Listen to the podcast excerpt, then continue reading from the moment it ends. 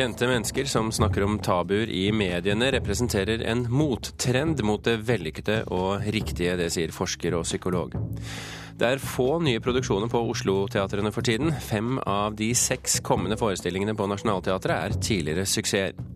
Og vi anmelder en ny innspilling av Johan Sebastian Bachs påskeoratorium. En god innspilling, men kanskje ikke den beste. Og i Fredagspanelet i dag diskuterer vi minnestedsproblematikk, grunnlovsspråk og litteraturens åpnende kraft. Kulturnytt får du i dag med Birger Kolsrud Aasund i studio. Kronprinsesse Mette-Marit snakker om farens alkoholproblemer, andre kjendiser snakker om abort, spiseforstyrrelser, angst og overgrep.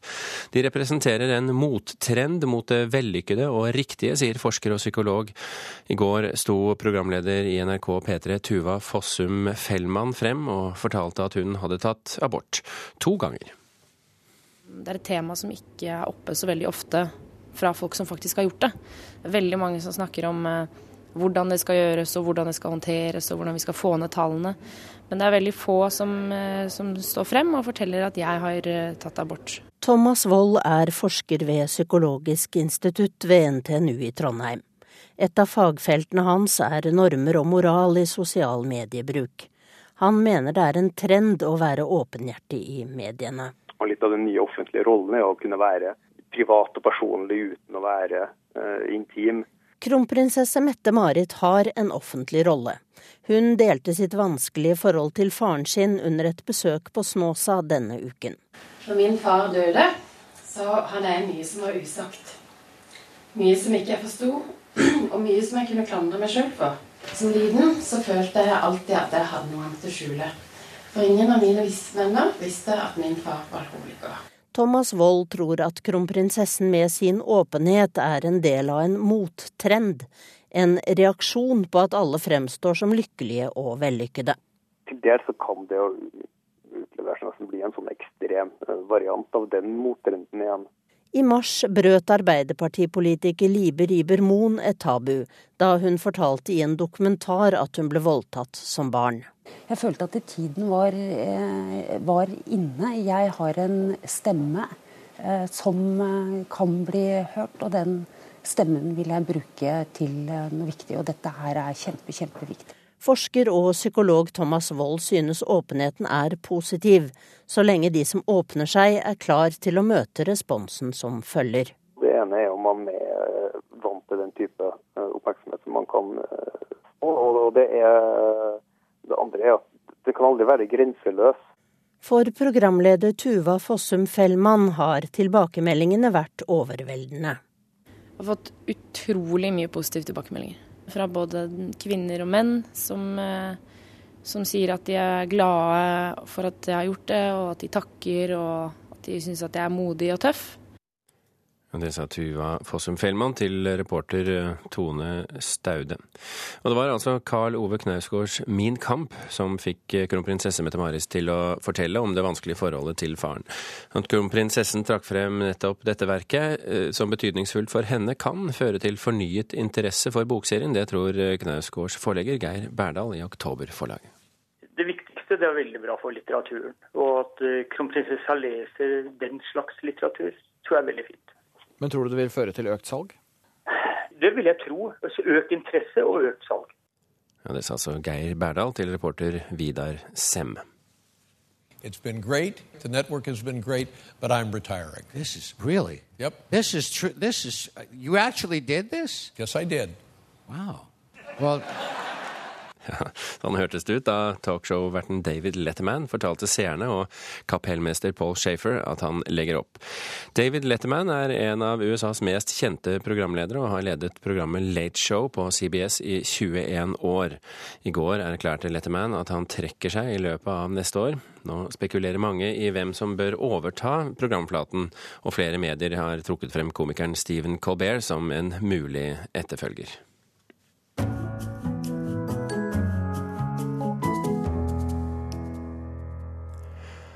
Er du interessert i nye og spennende teaterforestillinger om våren, er ikke Oslo stedet å dra.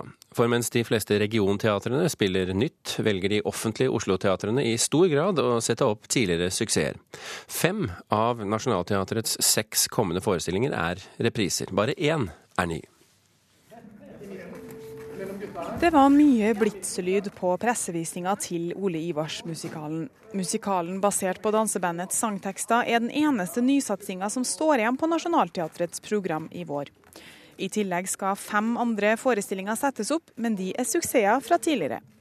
Oslo Nye Teater og Det Norske Teatret har også valgt å la programmet bestå av flere tidligere oppsetninger. Teaterkritiker i Dagbladet Andreas Wiese mener Nationaltheatrets program er ubalansert.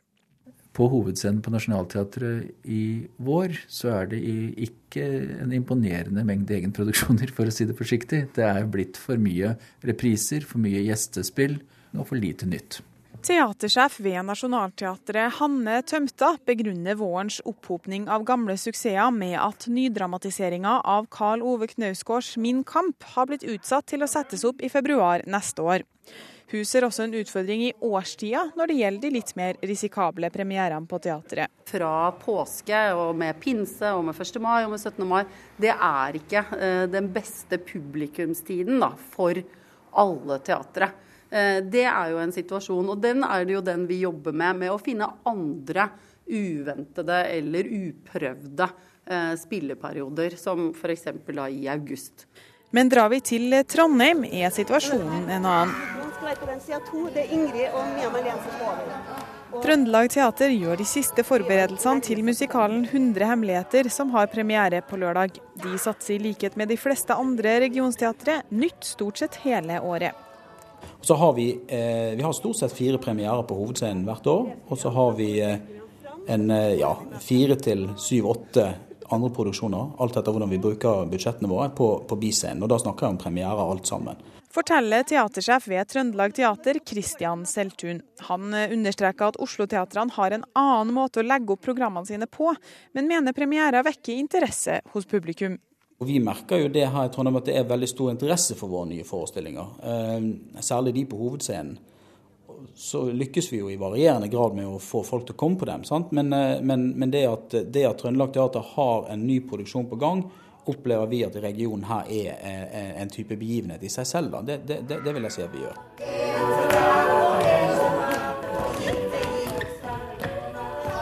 fra musikalen 100 hemmeligheter, som settes opp på Trøndelag Teater. Reporter her, det var Runa Rød. Teaterkritiker i NRK, Karen Frøsland Nystøyl. Hvorfor er det så stor forskjell mellom regionsteatrene og Oslo-teatrenes oppsettinger? Det er fordi de programmerer på litt ulikt vis. Eh, Nationaltheatret f.eks. er et repertoarteater. Eh, I det ligger det at de har et repertoar. De har en del premiere spredt utover året, men de kan eh, riste ut det ene esset etter det andre av ermet og sette opp ting som de har i sitt repertoar, der de har folk i sin spillestall og i sitt ensemble til å gjøre det. Og de har vel òg en forpliktelse til å vise ting med etterspørsel for eh, stadig nye publikummere. Men, men hvorfor er det nettopp våren som er tiden for repriser i Oslo? Det er fint vær, og folk uh, går ut. Det er det andre steder i landet òg. ja. Nei, uh, har man hatt en dårlig sesong f.eks., så er det veldig greit å, å, sette opp ting som en vet uh, får godt publikumsbesøk i vårmånedene. For ja, det er, det, er, det, er, ikke en tid der man går så mye i teater i hovedstaden. Uh, og hvis, um, hvis, man går i teater så, når det er finvær og alt ute, så vil man kanskje se noe som man gikk glipp av tidligere, eller som tilreisende ikke har sett. Det litt, driftes litt annerledes da ved regionteatrene. De er mer uh, kjører etter en modell som heter en suite, altså etter hverandre. De setter opp et stykke, spiller det ut en periode, en ny premiere, spiller den ferdig, og så går det sånn med, med nye stykker hele veien. da. Så det er det er litt forskjellig måte å programmere på. Men burde Oslo-teatrene programmere annerledes? Eh, de har en viss plikt til å sette opp eh, sette opp gode ting de har spilt før. Men jeg syns jo at det blir tørt, særlig denne våren så gjør det det. Blant annet fordi Min kamp ikke, ikke går på Nationaltheatret likevel. Men det jeg tenker at jeg skulle ønske teatrene ble litt mer våryre, da. At de, hvis, hvis, folk ikke kom til deg, så gå dit folket er. Eh, gjør noen stunt. Finn fram ny norsk dramatikk. Spill det i skogen, i pølsekiosken, hos frisøren.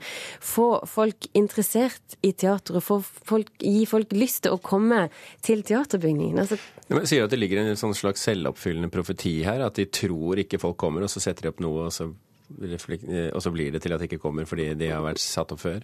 Ja, det er, kan òg hende at det er en hvileperiode, at det er en oppkjøring mot høsten og alt sånt. Men, men det, er, det, er, helt klart en tendens at om våren så er det lite nytt som skjer i Oslo. På den annen side så er det jo slik at det finnes jo mange andre teaterscener enn de offentlig støttede. Black Box, eh, eller eh, ja, det er jo for så vidt også offentlig støttet, men, men de er jo ikke sånne institusjonsteatre på samme måte. Og det finnes også en del private teatre. Eh, kan man gå godt si at de ivaretar nyskapningen?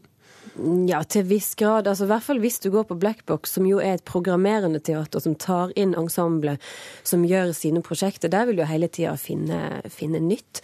Men skal du se noe spennende nå i vår, så bør man jo reise til Bergen, der Frode Grytten debuterer som dramatiker ved Den nasjonale scene i mai.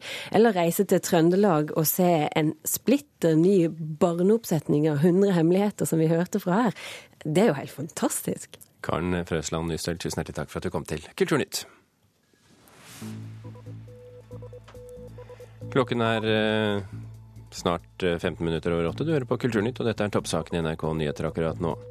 100 millioner kroner er på avveie etter Nokas-ranet og flere andre store ran. Politiet tror det er liten sjanse for å finne igjen pengene. Kirken må boikotte alle varer som produseres i Israel, sier en av de største kristne organisasjonene i Norge. Og rentekutt fra bankene kan gi økte boligpriser fremover, det mener flere eksperter. Ja, Det nærmer seg påske, og noen av oss trenger påskemusikk. Men eh, hvilken? Her er ett tips.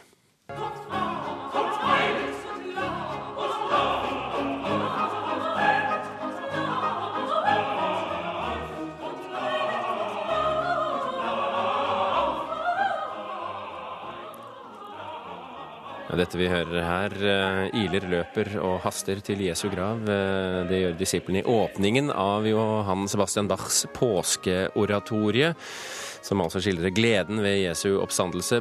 Opptaket vi hører herfra, det er en innspilling eh, med John Elliot Gardiner, som dirigerer Monteverdi Choir og English Baroque Soloist. Anmelder Øystein Sandvik. Er det en god innspilling, dette?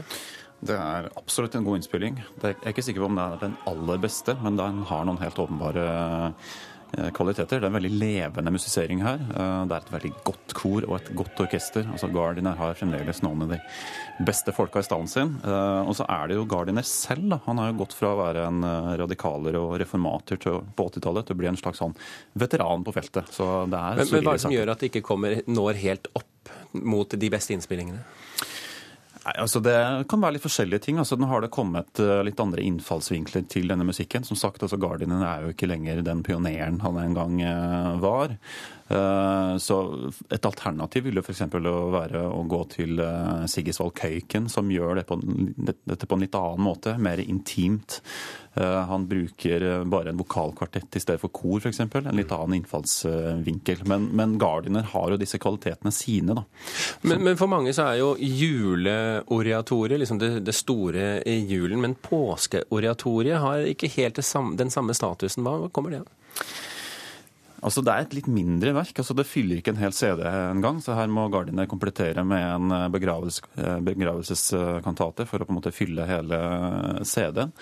Og så er det litt annerledes. Det er på en måte en kantate i litt større grad enn et, en, et oratorium. Da. Altså Du har ikke koraller eksempel, som du har i Personet og i juleoratoriet. Eh, og det har en litt mer sånn Eh, litt muntert preg. altså Det har liksom ikke det, det, det, er åpenbart Paradoksalt nok, kanskje?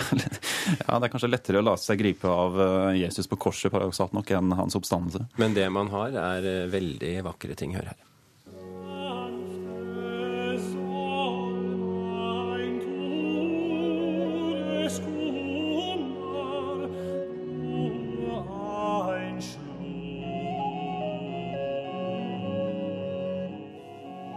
En fra Bachs påskeoratorium her, fremført av tenoren eh, Nicholas Mulroy. Hvordan er solistene på denne innspillingen, eh, egentlig?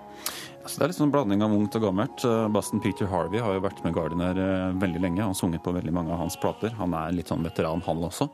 Uh, Nicholas Mulroy, som vi hører her, er den mer yngre garde Bach-tenorer. Kommer fra litt eldre repertoar opprinnelig. Sunget med mye Monteverdi og 1500-1600-tallsting, og gått nå fremover til Bach og blir brukt der. Ganske sånn spesiell stemme. Han er litt sånn ru hesheten, hesheten i toppen av registeret som som jeg liker ganske godt. Altså, det kan være noen som uh, syns at det blir litt for mye, men uh, han er kul å høre på.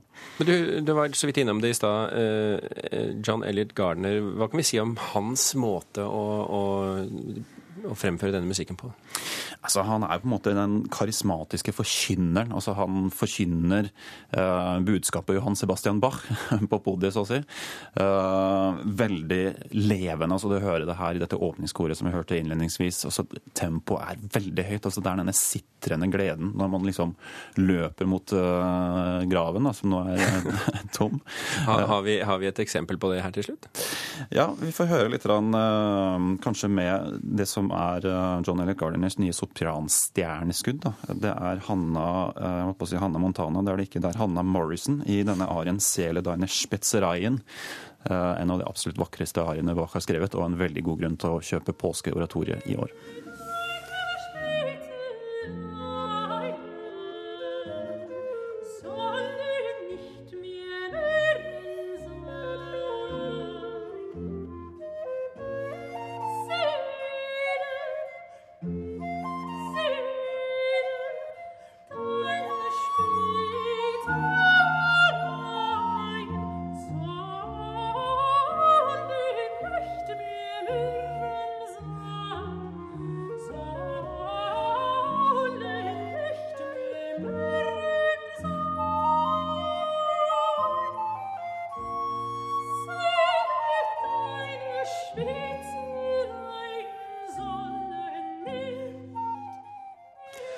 Soprana Hannah Morrison her til slutt eh, i arien eh, Sele Deine Spesireien eh, av Johan Sebastians Bach i påskeoratoriet, som ble anmeldt av Øystein Sandvik.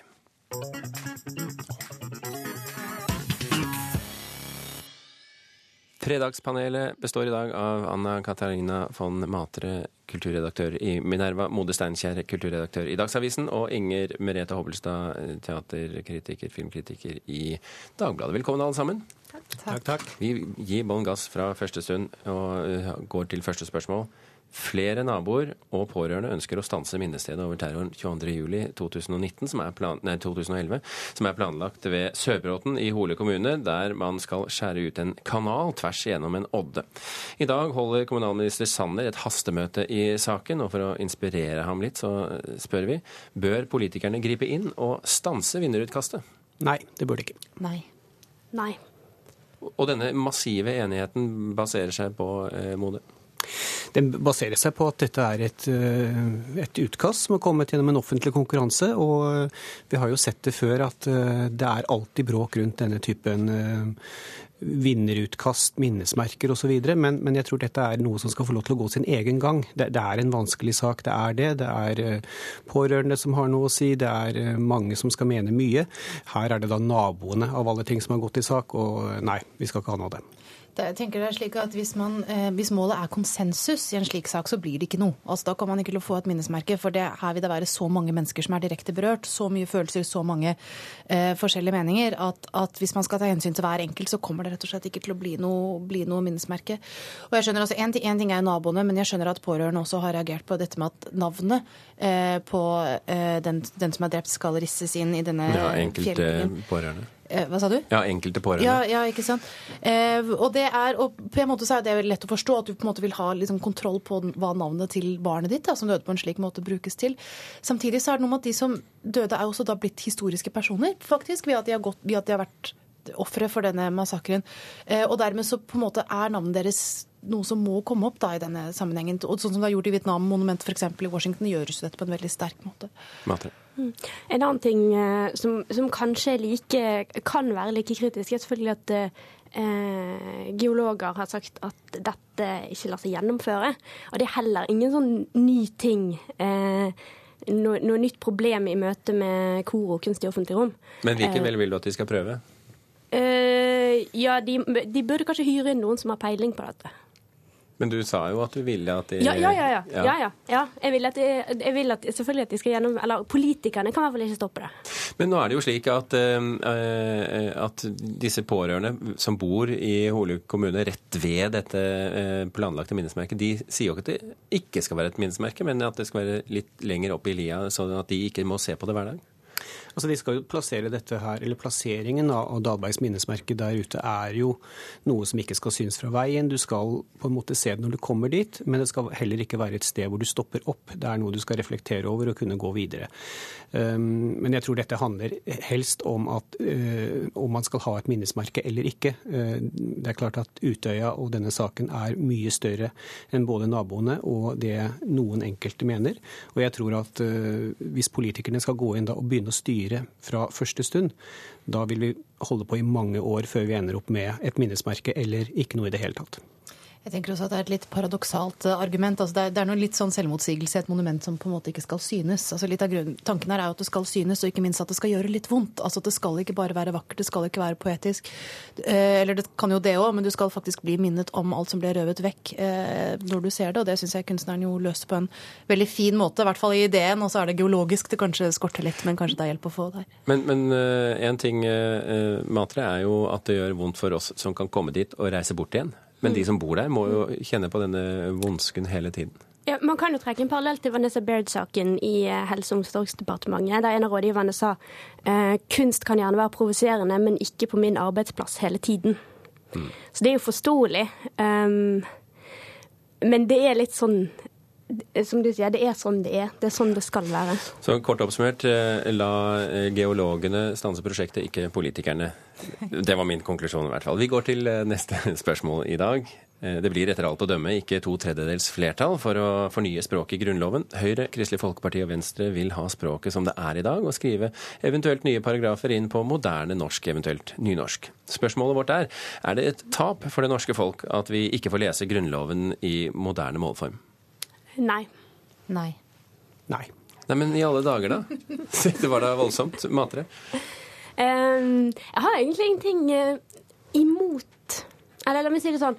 Uh, jeg leste Grunnloven uh, av 1814 for ikke så lenge siden, og det gikk faktisk helt fint.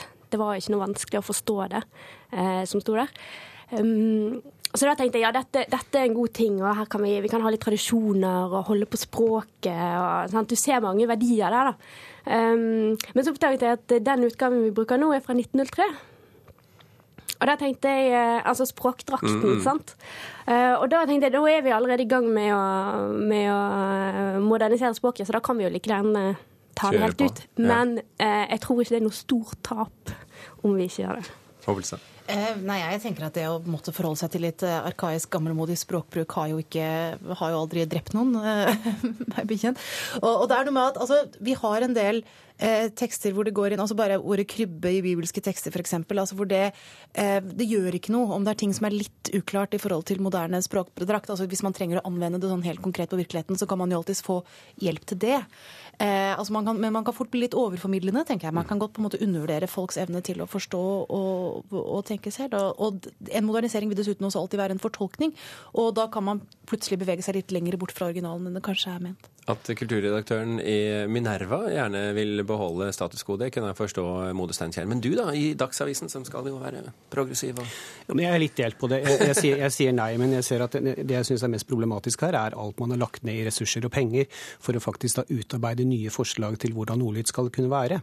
Eh, jeg tror ikke det gjør oss noe å lese eh, loven i, et arkaisk språk. Det er alltids de som kan både forvalte språket og som kan uh, tolke det som, det som står der. Jeg syns det er viktigere at det nå kommer en, en versjon på nynorsk, som det vitterlig gjør. Den kommer i blindeskrift. Eh, det kommer nye paragrafer til, og de blir skrevet på, eh, på, på, et moderne språk. Kanskje. Det er jo ikke gitt at de ja, kanskje, vedtar det. Kanskje. Ja.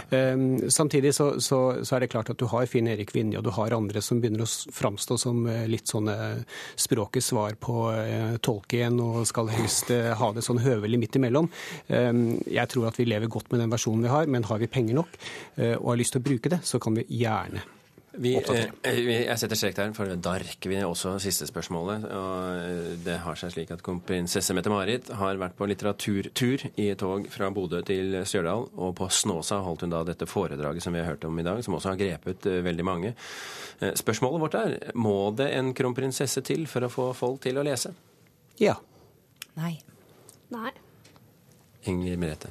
Eh, nei, altså det er klart Lesingen er jo eh, Den uh, yrer jo. Jeg blir jo liksom sånn forbløffet hver gang jeg er på enten litteraturfestivalen på Lillehammer eller Litteraturhuset for forskjellige ting, og ser hvor, eh, hvor, fullt det er ofte. Altså hvor interessert folk er i å oppsøke møtesteder for litteratur. Når det er sagt, så syns jeg dette er et veldig fint eh, initiativ, og ikke minst fordi det stimulerer til eh, altså de, de hashtagene kronprinsessen har startet på Twitter og sånn, er jo på en måte åpne for at man kan utveksle leseropplevelser, at det ikke er så mye én person som sitter på en scene og snakker, og andre som lytter, selv om det har vært tilfellet sånn akkurat disse intervjuene her. Så er, legges det opp til en stor samtale om, om litteratur, og det er en veldig fin ting. Men dette er ikke du enig i, Mode Steinkjer? Nei, jeg syns at uh, det vi ser, vi har et problem med å få unge folk til å begynne å lese. Uh, vi har en, en, situasjon nå hvor uh, biblioteket legges ned, hvor innkjøpsordningen til nye bøker kuttes i av den nye regjeringen. Jeg tror at det en kronprinsesse kan gjøre når hun går såpass tungt ut og står fram som en lesende person, det er å vektlegge viktigheten av bøker og det å formidle bok og litteratur. Matre, det blir du som får sluttordet i dag. Mm.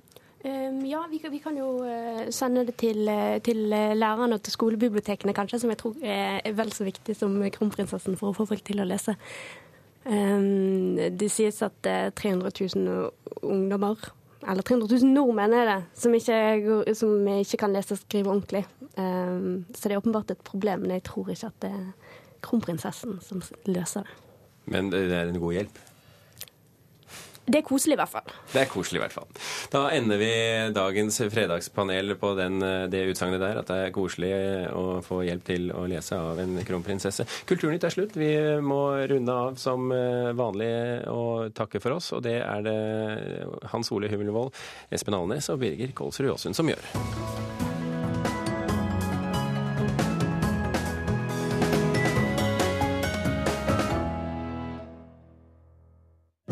Flere podkaster på nrk.no podkast.